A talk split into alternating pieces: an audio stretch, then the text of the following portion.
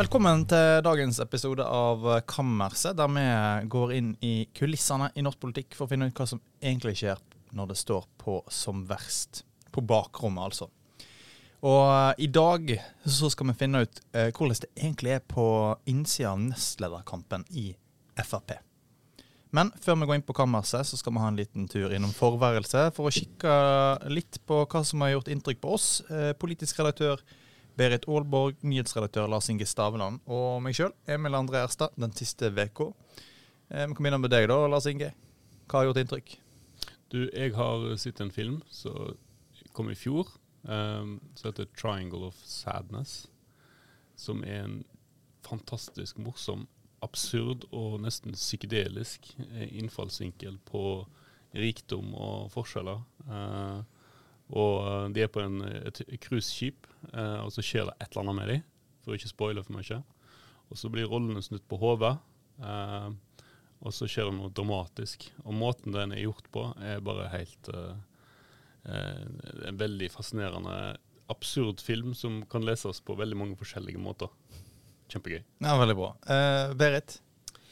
Ja, for Det første så, det er jo kvinnedagen når vi spiller inn dette. Men har, det som har gjort mest inntrykk på meg, er rett og slett statistikken om at hver femte norske kvinne har opplevd voldtekt. det er veldig høye tall. altså Dette er i løpet av livet. Uh, og som uh, kvinne uh, og mor til unge kvinner, så, så syns jeg det gjorde veldig inntrykk på meg. Og Eh, det er jo ikke snakk om at det er liksom en spesiell gruppe. Dette er jo bredt. Det er mange som opplever dette. Uh, og, og, det samme som det, Den andre tingen som også har, det har kommet statistikker på, er jo at er jo, vi er jo utrygge ute. Men det er jo egentlig hjemme det er farligst for kvinner. Det er farligst for mitt kjønn å være hjemme i sitt eget hus, for da kan man bli utsatt for partnervold. Og det syns jeg er veldig eh, Det er et samfunnsproblem. altså Det må vi gjøre noe med. Og så er det jo selvfølgelig et spørsmål om det er blitt mer av det, eller om det også bare rapporteres mer av det. Uansett er det ille. Så, så det, det, har gjort veldig inntrykk på at de tallene er så høye. Så oppfordringen er å lese Berit Aalborg i uh, Vårt Land i dag og, om dette. Uh, og meg sjøl, jeg, uh, jeg, har sett uh, altfor mye på TV-serien The Last of Us på HBO, som alle ser på om dagen, og som har fått gode omtaler. Men det som slo meg i, i går, nå avslører det hvor kort det har kommet, og kanskje, er, er den her analysen av politiske altså politisk ideologi og styring, voldsmonopol, altså statsvitenskapelige, helt grunnleggende begrep, som blir ganske godt skildra og utforska i denne serien. Eh, alt fra liksom et sånn kommunistisk eh, paradissamfunn til hva som skjer når anarkiet slår inn. Eh, eller når voldsmonopolet må, må, være for harde i, i klypa da, for å holde Jeg syns er sånn ideologisk og, og statsvitenskapelig en kjempeinteressant serie som jeg anbefaler alle å se. Også derfor. Det er morsomt. Kollokviegruppene har liksom begynt å lage film, og de gjør det ganske bra. Ja. det er veldig bra eh, sagt. Da er vi klar for å gå inn på kammerset, og da skal vi jo eh, eh, treffe en gjest som sitter klar. Og det er ingen ringere enn FrPs Bård Hoksrud. Velkommen til deg. Tusen takk for det. Du er jo eh, kjent som en veldig jovial politiker, i tillegg til at du sitter på Stortinget for eh, eh, Telemark valgkrets og har vært i regjering, i regjeringa til Erna Solberg. Så, og nå Eh, er du aktuell som nestlederkandidat i Frp. Eh, og vi lurer jo da hvordan er det egentlig på innsida av den nestlederkampen? Det, det, er veldig gøy, i hvert fall. Altså det, å, det, er, det, er, jo litt sånn der, eh, Det er litt sånn samme som når du skal bli nominert til valglisten og stå på, på, på stortingslisten, så er det jo litt sånn der her òg. Og, og, her trenger du liksom du må, du må, jobbe inn i organisasjon, du må prøve å få folk til liksom å ha lyst til å stemme på deg, ikke de andre kandidatene. Så det er jo litt sånn frierferd til, til alle folka våre. Og det, det, er klart, når du har vært med lenge i politikken, så er jo det en fordel med at du kjenner mange. Men de har også sett ting kanskje de ikke alltid er like enig med deg i, eller at du har hatt noen ordentlig heftige diskusjoner. Eh, så det er spennende, og det er gøy. Og så er, så er det selvfølgelig sånn at det har vært ganske tøffe kamper og maktkamper i Frp også. Men jeg opplever at eh, nå er det litt sånn eh, og det er litt tidlig i prosessen. altså Det kan hende det strammer seg litt mer til når det begynner å nærme seg. Men, men det er sånn hyggelig jovialt, og, og folk prater varmt for sitt kandidatur og sine, sine kandidater. Eh, og så får vi jo se. Får vi se, Og det er litt annerledes i noen andre partier. Eh, men, men det er klart, når man har vært med så lenge, så kan man kjenne seg litt igjen i hvordan andre har det, og, og den kampen som er der. Eh, men, men foreløpig, og som sagt, det er veldig tidlig, og det er ikke, sikkert ikke alle som har hivd seg på i den kampen heller. Så, eh, så foreløpig så er det liksom litt tidlig, men det er veldig godt, og vi prater egentlig varmt om hverandre og har ikke noe problem med å skryte opp og, og løfte de andre. Men du, går du og lurer på sånn som, eh, sånn som Limi? Ja, ja, ja. Ja, vi, vi, må bare, vi må bare rydde litt for lytterne. Hvem er nå kandidatene i, i nestleder? Eh, De som har sagt at de er kandidater, det er Erlend Wiborg fra Østfold. Og så er det Frank Sve fra Møre og Romsdal. Og så er det meg eh, fra Telemark, som er de tre som har blitt lansert eh, og sagt at de ønsker å kunne være kandidater. Så det er Eh, mye snakk om en som ikke er Og så lansert, er- Ja, ja, ja. Og så er det også Limi, Hans Andreas Limi. eh, og som, han, som er parlamentarisk han er leder. parlamentarisk leder. ja. Liksom, hvordan er det, Går du nå liksom og lurer på når kommer han til Kommer han hva, Går du liksom og på en måte våker litt på han og ser hva Kikke litt i gangene. Teste, liksom teste ut om han stiller mot Jeg tror alle skjønner det, at man liksom tenker litt hva kommer han, eller hva gjør han? Han, han eh, er jo en litt eldre kar, men han er veldig godt likt i partiet. Gjør det veldig godt som, som, eh, som finanspolitisk talsperson, og var jo egentlig litt sånn Han var jo parlamentarisk leder i stortingsgruppa når vi satt i regjering. Og, og nyter er mye respekt. lenger, nei. nei. han er første, første, Ja. første nestleder. Men, men han, sant, han, har, han har masse eh, Blir sett på som en veldig bra person ute i organisasjonen og partiet. Eh, men det er jo bra, da, for det betyr at det gir noen muligheter til å kunne velge. Så, men jeg er liksom spent. Hva kommer han til å gjøre? Fordi foreløpig har han vært helt haus ute, i- ute i media. Når man spør, så, så ser det ut som han holder, eh, holder ting på litt armlengdes avstand. da. Så det kan bli veldig spennende å se. Hva tror du er grunnen til at han gjør det? Det er klart at eh, det å bli, bli nestleder i et politisk parti, det er ganske heftig. Det var vel eh, det var vel, jeg var, på NRK Ukeslutt, og da blei det vel sagt noe sånn at det å være nestleder, det er, det er å bli putta inn inn i vaskemaskin. Eh, Og være lofiltre som fyker rundt. Så det var ikke akkurat sånn veldig at dette er glamorøst, og hvorfor driver vi og kjemper for å bli nestleder? Men, men, men det er jo klart, det er mye, det kommer til å kreve mye. Du må reise mye rundt i partiorganisasjonen, du må møte folk. du må Selvfølgelig også så må man ta noen av de tinga som ikke alltid er like positivt. Det er jo en del av det å være nestleder. At man kanskje er Når det er dårlige galluper, så er det ofte nestlederen som må ut og uh, fortelle hvordan dette er. Og når det er gode, gode galluper, så er det selvfølgelig partilederen som, som gjør det. Så det er en del sånne ting. Men jeg tror kanskje det aller meste er den der å, å ha avklaringa hjemme. Om at man får lov å bruke så enormt mye tid. For det, det kommer til å være, hvis man blir valgt, så, så er det jo for to år i første omgang. Så er det to år med jobbing nesten hele døgnet eh, i de to åra. For det forventer partiet. Så du tror rett og slett er at han ikke har bestemt seg? Du tror ikke at han går og koketterer og vil liksom være litt sånn mystisk? Nei, jeg tror ikke det. Jeg tror det er liksom han må, han må bestemme seg litt for å ha, Har jeg lyst til dette her? Og, og, og selvfølgelig også prate litt med folk og høre liksom hvordan er stemningen. Hva tenker, hva tenker man? Men Bård, hva er grunnen til at du har lyst? For du har åpenbart tatt en sånn runde med deg sjøl. Det er jo fordi at jeg syns det er utrolig gøy å få lov å reise rundt i organisasjonen, være med å bygge partiet, eh, treffe folk. Eh, og det er klart Som nestleder så er man jo også med å utvikle politikken. og Det er jo spennende eh, to år framover nå. Det er et nytt stortingsvalg om drøye to år.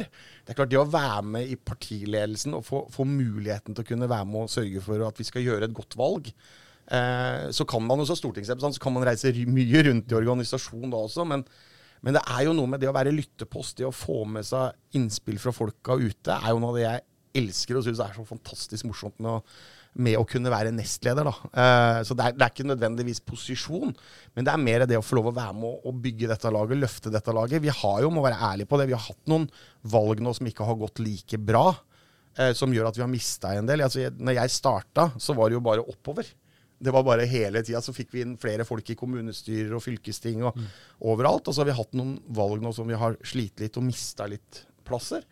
Eh, mens nå er, ser det jo veldig bra ut, og det ser ut som vi skal få flere inn i kommunestyre og fylkesting. Og, og forhåpentligvis også stortingsvalg om, om, drøye to år. Så det å kunne være med på det, og få inn nye folk, og være med å løfte og, og, og motivere og, og skolere, eh, er noe jeg har veldig lyst til. Ja, fordi det er jo, det er jo ikke no, noen politikere i norsk politikk nesten som har like, vært like tålmodig på å bli et sånt lofilter som det du er over da, Bård Hoksrud. fordi jeg leser gamle intervju med deg, så allerede i 2013-2014 så var jo du en nestlederkandidat. Men så sa Per Sandberg plutselig ut av det blå at nei, jeg fortsetter. Ja, ja, ja. Eh, og, og, og, nå er du klar. Hva, hva, er det, hva, er det, med dagens Du er jo inne på det. Hva er det med dagens situasjon som gjør at du ønsker å, å ta på deg denne jobben eh, for å endre Hva er det du vil endre i Frp? Jeg, jeg, jeg, jeg, ser jo også at når man skal bygge et lag og bygge et team, så er det viktig å ha litt forskjellige typer personer der. Fordi eh, noen liker de, den type person, noen liker den type person. Det, det handler om å ha en totalitet eh, som gjør at man kan treffe enda bredere og treffe enda flere velgere. Så tror jeg kanskje at jeg har noen ting som ikke Sylvi har, som, eh, men Sylvi er veldig god på veldig mange andre ting. Uh, mens jeg er kanskje litt mer jo, jovial, en som er, eh, liker å gjøre litt mye sånn rart. Da. Jeg får jo av og til litt kjeft fordi jeg satt på vannskuter og jeg sto på Segway og litt sånne ting som noen syns er litt tullete. Da, som, men, men, jeg liksom føler jo litt at det er, det er viktig å være, vise at vi er akkurat som alle andre, vi politikere også. Da, så det er jo liksom min greie. Ja, fordi det er jo et annet interessant aspekt der. At det, det der med å være i denne, denne vaskemaskinen og være dette lofilteret, det, det, er jo på tull sagt, men det er jo òg fordi det har store kostnader å være i politikken. og, og eh, du er jo kanskje en av, en av, mange politikere som har kjent på at det har store menneskelige kostnader å være i politikken og, øh, og ha et søkelys på seg som er øh, ganske mye sterkere enn det alle andre. Kan, kan du beskrive litt hvordan det er? Altså det er klart at Når man gjør noe dumt og tabber seg ut, så må man stå for det. og så må man ta ansvar for det. Eh, og det er klart, da er det Du har liksom to, to valg da. Eh, I hvert fall når man er i toppolitikken. og det er liksom Enten så velger man bare å, eh, å, å trekke seg ut og, og, gå tilbake, eller så må man prøve å kjempe for eh, å komme tilbake og, og, få tillit igjen. og det er klart Altså Det å få 2000 medieoppslag som eh, du føler at ikke alt er sånn som det er, men, men det er liksom i løpet av en uke det, det, er omtrent som å stå i en sånn The Perfect Storm, der, eh? Med, med, hvor du virkelig føler at det blåser nordavind og, og, og, orkan nesten fra alle kanter. Eh, og du har noen andre mennesker du også må prøve å ta litt hensyn til. Og så håper jeg at det, og, og, jeg håper liksom at det er noe som har vist at det er mulig å kunne komme tilbake. Du må jobbe steinhardt, og så må du lære av de feilene man, gjør, man gjør, og ikke gjøre det om igjen. Men, men, det gjør jo noe med meg hver gang jeg ser noen politikere politikere eller andre som virkelig møter dette her, så, så, så kjenner jeg det da kjenner jeg at det stikker inn i hjertet mitt, fordi jeg vet hva disse går gjennom, og jeg vet hva de rundt går gjennom. Og det gjør liksom noe, med meg. og Det er en sånn erfaring jeg prøver når jeg kjenner noen, så prøver jeg liksom å sende noen meldinger eller prøver liksom å, å, å stille litt opp. da. Mm. Og så håper jeg ikke det er sånn at vi skal ha perfekte politikere, for jeg, vi, vi er, politikere er som alle andre, på godt og vondt. Eh, og jeg tror ikke det er bra hvis man får sånn perfekte politikere, eh, generasjon som bare er perfekte. fordi da tror jeg man også mister noe. Og så skal man selvfølgelig ikke gjøre feil, det er, det er, ikke det jeg sier. Men jeg tror vi trenger å ha det der mangfoldet at politikere er som andre og kan gjøre feil. Eh, og også kanskje kan vise at det går an å reise seg igjen etter å ha, ha gjort en veldig stor feil. Politikere er syndige mennesker, de òg. Eh, som alle vi andre. Som alle oss andre. Nei, men sant. Eh, er, det, er, det, noe spesielt du har gjort da, for å liksom reise deg igjen? Altså, jeg, jeg bare bestemte meg for at jeg må alltid hatt liksom som en policy at jeg skal være ærlig. Som når jeg har gjort noe, eh, så skal jeg stå for det jeg har gjort. Eh, og, og, det er bedre å ta det med en gang. Jeg, jeg syns altfor ofte at vi politikere så er det tydeligvis rådet er å ikke fortelle alt, eller, eller ikke være ærlig. Og, og, da går det bare gærne veien.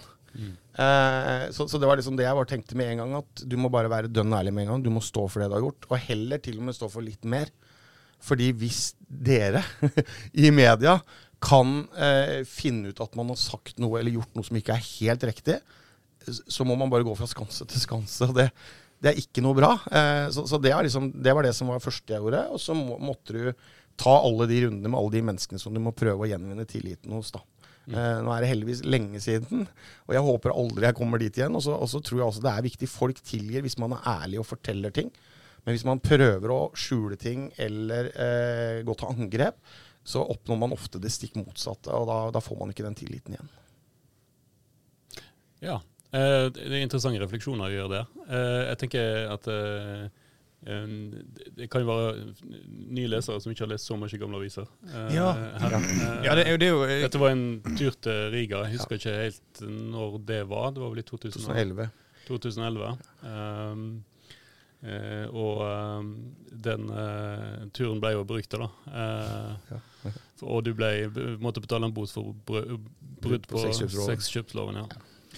Men, men eh, da får jo eh, Fremskrittspartiet med deg eh, en politiker som eh, er ærlig. Hva mer får de, eh, vil du si, Mm? Ja, ja, som nestleder? ja, ja, altså, jeg, jeg syns det er viktig å, å, å, være tydelig og fortelle hva man mener. Eh, og, og ærlighet er viktig i politikken. Eh, så skjønner jeg liksom, det, er jo Noen ganger kan man ikke fortelle alt til alle. Men, men, men da må man i hvert fall ikke prøve å fortelle noe som ikke er sant, eller en sånn halvgreie. Da er det bedre å si at dette kan jeg ikke si noe om. Eh, så, så jeg er veldig sånn og, og for meg så er det sånn jeg, jeg hater egentlig når man har sånn altså personsgreier. Eh, jeg, jeg vil gjerne jeg, vil slå eh, politiske motstandere, ikke fordi de har gjort et eller annet, eller, eller kunne bruke noe mot dem som personlig. Jeg vil slå dem fordi vi slår dem på politikk, og at det er politikken som er det viktige for meg. Derfor så prøver jeg liksom ofte når jeg blir spurt liksom Kan du si noe på bakgrunn? liksom. Det er litt sånn Kan du, kan, kan du mene noe her? Så er det sånn at eh, du vet at hvis det er sånne persongreier, så behøver du ikke ringe til meg. Da må du ringe med noen andre som, som vil det. Fordi, og det er også litt greit, fordi da er man bare helt ærlig på at det, dette kommenterer ikke jeg, liksom. Ja. Ehm, ja, det var litt på sida, men Jeg bare lurt på en ting. Eh, eh, når en sånn episode har skjedd, eh, og når du har stått fram i media, og du har på en måte bestemt deg for å, å gå videre og søke fortsatt eh, tillit, når vet du at uh, tillitsvalgte og, og velgerne på en måte er klar for å ha deg eh, med videre? det, det er jo kjempevanskelig, for det, det vil jo være veldig individuelt. Men jeg følte jo på mange måter når, når uh, nominasjon og valget var Mm. Det er jo egentlig valget og velgerne som, som viser om de, har, om de har fått tilbake tilliten eller ikke. Um, så det er klart at det, det var tungt, det. Og det er klart det er mange som tenkte at eh, skal vi satse på en, en person som han igjen, eller skal vi nå bare uh, si at liksom nok er nok, det, du, er, du er ferdig. Og det var jo sånn jeg tenkte liksom når du satt der og, og dette kom, så tenkte du sånn bare nå er alt ferdig. Ja. Uh, det gikk jo gjennom, uh, gjennom huet at liksom nå er alt ferdig, nå er det bare å, å legge seg ned. Men så hadde jeg gode, gode venner som hadde, ga gode råd, og så var det sånn at du må prøve å Og det handla om liksom hele tida Det var lang, lang vei å bygge tilbake og få tilbake den tilliten. Ja, for dette var i 2013, den eh, nominasjonen vi Ja. om. det. Ja, sant? Og da ble jo du en del av det gode selskap og regjeringa til Erna Solberg etter hvert. Hva, hva eh, Altså, du, du er jo kjent for mange ting, Bård Hoksrud. Eh, det er jo eh, det ene og det andre, og en av de tingene som har fascinert meg mest, det er jo denne enorme pins-samlingen din. Eh, eh, som jo er berykta langt utafor eh, Fremskrittspartiet. Hva, hva er det du gjør konkret nå? Eh, det har ingen, eh, anekdoten har for øvrig ingenting med spørsmålet å gjøre. Men hva du gjør nå i eh, den nestlederkampen du står i for å, for å vinne oppslutning, når du ikke snakker negativt om, om motkandidatene? Nei, men, Nei, men, men, men det handler om å prøve å få fram de fordelene som jeg tror at jeg kan være med å bidra med. Eh, tror liksom, for meg er det viktig å være positiv, humørspreder, prøve å være ute og reise. Vise at man liksom engasjerer seg, at det skal kort vei fra en velger ute til, inn til Stortinget. Eh, være lyttepost, få med sånne ting. Så det er jo det, er jo det man hele tida må prøve å få fram. Hva, hva er bra med meg? Hvor, hvorfor skal, skal våre tillitsvalgte velge meg? Eh, og, og, og hva er mine kvaliteter? da, så Det, det er det du må hele tida holde på med. Men du, når du er ute, så får eh, eh, Når man er ute sånn, så får man jo tilbakemeldinger. Ja. De, og så er det noen som har bestemt seg for deg. ikke Ja. sant? Det er noen som sier 'vi går for deg, Bård'. Ja. Hva er det de sier til deg? Hvorfor liker hva, hva, liksom, du bør ikke skryte av deg sjøl, men hva er det de sier til deg? Nei, det, jeg ofte hører, er liksom at du, du er lyttende, du kommer når vi spør om du, om du vil reise. Du bruker uh, helger og alt mulig. Det, går liksom til partiet. Jeg brenner for dette partiet og sånn, og det er jo det jeg ofte får høre, i tillegg til at jeg er jovial og positiv. Liksom. Det er det som ofte går igjen, da, som de liker, og så er de ofte enige med meg politisk, da. Så det er liksom det er kombinasjonen av politikken og hvor jeg står politisk, men, men også selvfølgelig som, hvordan du er som person, og hvor lett du er å få kontakt med. Jeg husker når du um, kom inn i regjering som statssekretær i Samferdselsdepartementet, så var det du og daværende nestleder, var det vel, samferdselsminister Kjetil Solvik-Olsen, um, som uh, reiste uh, i bil. Jeg tror det var langs hele E6, var det ikke? Det stemmer. Det E16? Ja, Ja, E6-en. E16, ja. Ja. Nei, E- E- ja, E6 til E6 helt opp til Kirkenes. Fra Oslo til Kirkenes. Det var jo fantastisk tur! Ja, ja, ja. Dere ble jo godt kjent. Men eh, litt sånne jobbintervjuspørsmål. Hva er det som eh, skiller deg tydeligst fra din eh, forgjenger?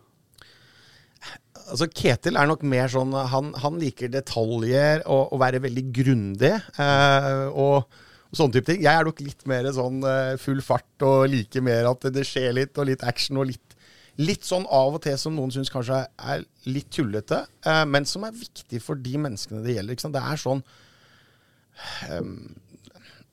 mye av det vi gjorde på altså Segway og det, det, er klart at det betyr ikke noe for veldig mange, men det betyr noe for noen. Det vi gjorde med sånn tekniske ting på biler og sånn, det, det, betydde noe for, uh, for, noen, men ikke for veldig mange. Men kanskje noe av det som liksom uh, er greia mi, er at, og fordelen min, at jeg kjente mye folk i samferdselen. Ketil kjente jo ikke så mange når han ble samferdselsminister. Vi hadde altså på de to og en halv månedene fra vi kom inn i regjering til, eh, jul, til jul første året, så hadde vi besøk eller møtte over 430 forskjellige organisasjoner, mm. ordførere og alt mulig. Og det kom ordførere fra eh, Arbeiderpartiet og Senterpartiet som aldri hadde vært og fått lov å møte samferdselsministeren eller statssekretæren. Og nå fikk de møte, og fikk de møte Frp i, i Samferdselsdepartementet. Det liksom, eh, og, og, det er jo det som er min, og det er det jeg syns er så fantastisk morsomt med å drive politikk. Det å treffe mennesker, det å, å få de møtene. Eh, og det å jobbe med helsepolitikk betyr at du av og til har tøffe møter men mm. fantastiske møter med mennesker. Og det, de gangene du klarer å lykkes å få til noe, det er jo det som alle de kjedelige timene som, og hvor man føler at man bare stanger imot, men det er de gangene du virkelig får det til. Som liksom du føler at yes, det er derfor jeg driver med politikk. Kan ikke du si, Når du sier det, så hører jeg nesten at du blir liksom varm i stemmen. Kan ikke du fortelle en, en gang hvor du liksom på en måte følte at du akkurat var der, liksom? Det var en, to søsken som mistet mammaen og pappaen sin i Hjartdal i Telemark. Som, eh, de døde i, et, i flystyrt når disse var veldig unge. Og så var det snakk om at de skulle få lov å dele eh, eiendommen eller ikke. Og da var selvfølgelig byråkratiet var veldig sånn nei, nei, dette er ikke mulig. Eh, så ringte jeg med Jon Georg. Han var, sammen, nei, han var landbruks- og matminister den gangen. Jon Georg Dale. Dale, ja. Så fikk jeg han til å Til slutt da, så fikk vi ordna sånn at de kunne få gjøre det. De å reise dit da, komme på døra, ringe på klokka og bare si liksom at uh, dere får lov å dele denne gården. dere får lov å, altså, Fordi det betydde så mye for dem, for det var liksom mamma og pappa og sånn. Og bare se det Altså, den, den, de gledestårene som kom, det er da du liksom bare virkelig kjenner det langt inn i hjertet at liksom Yes, dette er det som er viktig. Det er, det er da man virkelig viser at man får være politiker og virkelig få til noe. Og, og flere sånne historier som det, som liksom, det, er, det er det som virkelig gjør at jeg er med i politikken. Jeg, jeg, hater når folk opplever at de blir overkjørt av systemet. Sånne type ting er liksom det som er viktig for meg. har vært alltid viktig for meg i politikken. Så jeg har nok et sånt hjerte for uh, mot urettferdighet og for å prøve å hjelpe enkeltmennesker. Og det sånn, det liker jo ikke systemene, men jeg syns det er viktig. Berit, altså eh, Litt analyse her nå, eh, før vi går videre. Hvis, hvis Bård Hoksrud her blir valgt til nestleder i Frp, hva Frp får med da? Nei, altså um, Jeg tror at uh, jeg, jeg, tror rett og slett at han uh, fyller ut den delen, hvis han blir nestleder, da, som Frp har hatt en sånn motpol i mange år, hvor de har hatt liksom en partileder som har vært litt vært liksom litt uh, ja, markert, men, men, også kanskje litt tilbaketrukken. Si var det. Eh, Siv Jensen og Sylvi Listhaug eh, var det. Og så har de i flere runder hatt nestledere som har vært litt mer folkelige, og som har hatt en tendens til å greie å trekke inn folk, da. Eh, så jeg tror, jeg tror, spørsmålet om hvem som blir nestleder nå, er ikke så mye politisk, men det har mer med liksom omdømmet og profilen til Frp. Mm. Og jeg tror jo kanskje at uh, det som er Bård Hoksruds fordel, da, det er at han, han på en måte, Det er mange som kjenner seg igjen igjen da, der ja. ute. Det var jo mye snakk i valgkampen 2021 om profilen til Frp. Eh, hva linjer skulle de legge seg på? Og Med Sylvi Listhaug som partileder så er jo eh, frykten for at Frp ville bli for eh, brutale i innvandringsspørsmålet, var det jo òg eh, uttalt på innsida av partiet. Eh, så det er jo interessant å se hva, hva vei Bård Hoksrud kan prege i disse debattene. Og det sier vi har han her. Hva, hva, hva vil det ha for konsekvenser? Nei, men jeg, jeg tror sånn Politisk så tror jeg man er ganske enig i Frp nå. Eh, Det er ikke noen store sånn, Det er ikke noe veldig sånn store politiske uenigheter eh, lenger. men så, så, så det er nok på mye ting så er det nok litt den måten man er på, hvordan man treffer og hvem man treffer, tror jeg kommer til å være litt avgjørende hvem folk kommer til å velge, så, velge som nestleder. og Foreløpig, i hvert fall de kandidatene som er nå, så er det ikke sånn at det er noe stor, en, stor skille i, i linjevalget. Og det tror jeg ikke liksom, Jeg ser ikke noen andre heller som vil, at, vil vise at det liksom er en stor skille eller endring i, i det. Men det er klart, noen tenker kanskje at Bård Hoksrud blir litt for, eh, litt for mye eh, som man finner på og er med på. Eh, kanskje litt mer ro og forsiktighet med kanskje noen andre kandidater. Ja, hvem da? Um, Limi, kanskje? Eh, Limi er nok kanskje den som blir sett litt sånn, og, eh, som, som litt mer rolig og forsiktig. Mens Bård Hoksrud han er nok litt mer um, full, fart, full fart og kan være med på litt sånn ikke sant, litt reality og litt sånn som ikke alltid er en politiker skal være med på. Vi i mediene vi er jo veldig glad i et bilde av Bård Hoksrud på, på du, du nevnte det, på vannskuter. ja. Det, var, det, var den, det var I Samferdselsdepartementet så var det jo en sånn det var en sånn fridomsreform. Det var Segway, og så var det uh, vannskuter. Det var ganske gøy. Det føles Det var en tid uten krig. Det føles som en litt annen tidsalder. Det bildet, det Men bildet jeg er glad i å bruke det bildet, da. Så hvis jeg skal komme med et sånt stalltips, så så gi oss en anledning til å gjenbruke det bildet som jeg tror NTB har nå. Eh, til å bruke det bildet av deg på Der er, der er det et smil, for å si det sånn. Ja, fordi det, er- det er vel òg et bilde som dukker opp på veldig mange sånne memes eh, Ja. eh, på sosiale, sosiale medier. der der eh, det er en eller annen eh, Så lenge det er, lenge det er litt sjø på Ja. det bildet, Så- så, ser du ofte Bård Hoksrud komme sånn nærmere og nærmere på denne vannscooteren. Langt uti i sånt.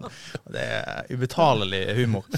Um, ville du si noe, Berit, før Nei, vi går videre? Eller skal nei. jeg? Nei, da går vi videre. Fordi vi innfører faktisk et nytt punkt, et nytt programpost denne uka her. Og den heter Ukas skriftestol. Eller Vekas skriftestol, som jeg sier. Og mm, du Da skal en altså skrifte over hva, eh, hva en har eh, gjort siste uka som en angrer på. Og vi tenkte å utfordre, vi utfordra Bård rett før han kom inn her, så han er litt nervøs, eh, Ja, stakkar. Ja, dette er jeg veldig nervøs for. Fordi jeg satt på et møte hvor jeg hadde fyra meg litt ordentlig opp og var klar til å skulle angripe de som, de som hadde møte, og så ringer telefonen. Først er det dattera mi, og så er det sønnen min, og så er det kona mi. Og til slutt da så måtte jeg bare gå ut, og jeg var da litt fyra, og så var det jentungen, og så hadde jeg krasja. Og spørsmålet mitt var liksom ikke 'hvordan går det med deg'? Det, spørsmålet mitt var hvordan, gikk dette med bilen'? Og det er sånn, det, dette, er, eh, det, dette er sånn Det er nesten skandale å stille det spørsmålet. Jeg, jeg tenkte jo sånn jeg hører at du prater, og hører at det, det høres veldig greit ut. Så, men det er klart det første man skulle spørre, og i hvert fall som pappa, så er jo liksom Åssen gikk det med deg? Eh, og ikke åssen gikk det med bilen. Så jeg følte liksom Men jeg var sånn Jeg, jeg var så inni der jeg egentlig var før i den bobla. At jeg var liksom ikke på vei ned, så hun følte nok at pappa var litt morsk eh, når han svarte på den telefonen der. Og, så det er nok Har du min snakka med familien din om det her etterpå? Jeg har det, og jeg får høre det. Og det, det tok litt tid før hun var liksom eh, tilbake på en grei, grei greie på det der. Den, den satt litt langt inne. Men når du først har etablert at det gikk bra med familien og bilen og sånn, men uh, har du fått stilt spørsmål om hvordan det gikk med veiskiltet? Ja, Som samferdsels... ja, ja. Og det verste var at veiskiltet var oppe dagen etterpå, for da kjørte jeg forbi sjøl. Eller i hvert fall to dager etterpå så var veiskiltet oppe. For da kjørte jeg Dagens forbi. regjering leverer. Ja, ja. Det var heldigvis ikke regjeringa. Ja, fordi- at kona di kjørte ned et veiskilt, ikke sant? Ja, dattera mi, ja. Dattera mi, ja. Det, ja, eh, dette veiskiltet, ja. Eh, det var vel Nye Veier da, kanskje, som fikk opp skiltet? Nei, dette var en privat eh, mindre entreprenør i Telemark som er veldig god, og var der. en av de ansatte hadde kjørt forbi og tok bilde da bilen sto der, så det var eh, Når bilen var borte, så var de kjappe. på. Familien Hoksrud veit hva skilt de skal kjøre med. Ja, ikke sant? Veldig bra. Eh, og så, eh, ja, så har vi tenkt at en av oss da skal få lov å, å dele sin, eh, sin skrift, eh, skrifting òg, eh, til skriftstolen. Eh, Denne gangen er det deg. det er meg, ja. Eh, og jeg kan jo bare gå rett på sak. Jeg, eh, eh, i, et, eh, I et litt sånn eh, medvitsløst øy, øyeblink så klarte jeg å sette på trykk eh, egentlig russisk fascistpropaganda eh, i eh, bilaget Vårt Land. Der jeg skrev at det var, pågikk en borgerkrig i eh, øst i Ukraina eh, fram til eh, invasjonen i fjor. Som jeg egentlig visste, og jeg har studert sammenligning politikk og statsvitenskap, så jeg vet jo at det, borgerkrig det men, men likevel klarte jeg å benytte dette begrepet. da. Husker du når du skrev det? Var det bare helt sånn Ja, det var litt sånn hjernedødt. Eh, det husker jeg faktisk. Dette kommer fra sjefen min. Jeg bare informerer dere om at dette er en slags medarbeidersamtale. Men, men, det det. sant, altså, så, men heldigvis jeg fikk en, jeg ble gjort oppmerksom på at denne feilen sto, og, og fikk retta opp eh, og la meg eh, langflat. Du skal få lov å skrive flere kommentarer om Ukraina.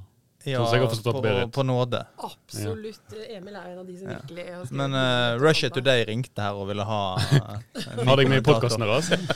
Du har fått et tilbud Ja, utenfra. USA. ja, ja. Nei, uh, så det nei, altså Dette handler om at det var russerne som angrep i 2014. Og, um, og eh, krigen har jo der eh, vært siden 2014. Og det er ikke sånn at de angriper i fjor, og det er noe nytt. Eh, Og, ve veldig mange som har gått i denne fella. Jeg vil bare nevne NRK, Klassekampen, TV 2 Ja, det er masse medier som har gått i den samme fella. Så vi er ikke alene, Berit. Eh, så er det siste punkt på lista, og det er eh, nemlig hva som er eh, ukas profeti. Ukas profeti, Da skal vi komme med en målbar profeti om norsk politikk, både gjesten og oss sjøl. Og du, Bård, du har tenkt profetiske tanker før du kom inn her i dag. Ja, jeg har tenkt profetiske tanker. Jeg hadde egentlig to tanker i huet, men jeg tror kanskje den ene er den beste, og det er Jeg tror at fakkelindustrien kommer til å gjøre det bra dette året som kommer. Fordi eh, dessverre så ser vi også at det er store utfordringer i helsevesenet vårt. Vi ser i Nord-Norge, vi ser i Midt-Norge, vi ser egentlig alle helseregionene. Så er det diskusjoner, også her i Oslo, så, så er det jo diskusjoner om struktur. Og når, når eh, direktører begynner å prate om struktur, da begynner man å prate om nedleggelse enten av avdelinger eller sykehus. Og da tror jeg at fakkeltoga kommer til å komme og, og få bein å gå på. Og det er jo ikke så rart, fordi dette handler jo om viktigheten for veldig mange. Dette er lokalmiljøet mitt, det er her jeg bor, eh, og da er dette en del av tryggheten. Så jeg tror at det kommer til å bli en av de sakene nå, at vi kommer til å se mange fakkeltog det, det neste halve året, neste året, fordi det blir så tøft i, i sykehusene framover. Hvor mange fakkeltog eh, vedder du på i løpet av neste år, eh, Bård? Hvis du skal Jeg, hva, jeg er veldig usikker, da, for det var en direktør han sa det at han, det måtte bli slutt på de fakkeltoga. Så de har vel en ambisjon om at ikke det skal bli noen. Men jeg tror fort at man kan oppleve I Nord-Norge tror jeg kanskje både tre, fire og fem fakkeltog. kanskje. Altså, det er litt sånn vanskelig når du spør hvor mange fakkeltog tror du det blir. For jeg tror at her kan det bli i flere etapper. Etter hvert som folk eh, opplever dette, og, og det nærmer seg vedtaksbeslutning og sånn. Så jeg tror nesten ikke å spå hvor mange, men at det kommer til å komme fakkeltog i 2023, det er jeg helt sikker på.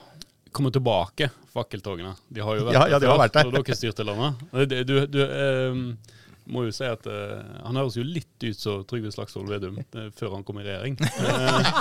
Eh, litt, Er ikke det, er litt ikke det rolla? Er ikke dette egentlig jeg si, Bård Hoksrud, en annen versjon av Trygve Slagsvold Vedum utenfor regjering? At jeg bare bytter plass? Ja, da kan vi spørre neste gang om han hadde lyst til å bli finansminister. Nei, absolutt ikke. Eh, veldig bra. Berit, du òg har en profeti. Hva er den? Jo, og det er en profeti. Jeg pleier vanligvis ikke å ha profetier om de som sitter her, men i dag skal jeg faktisk prøve meg litt på det. Fordi eh, jeg tror eh, eh, at Bård Hoksrud blir nestleder i Frp.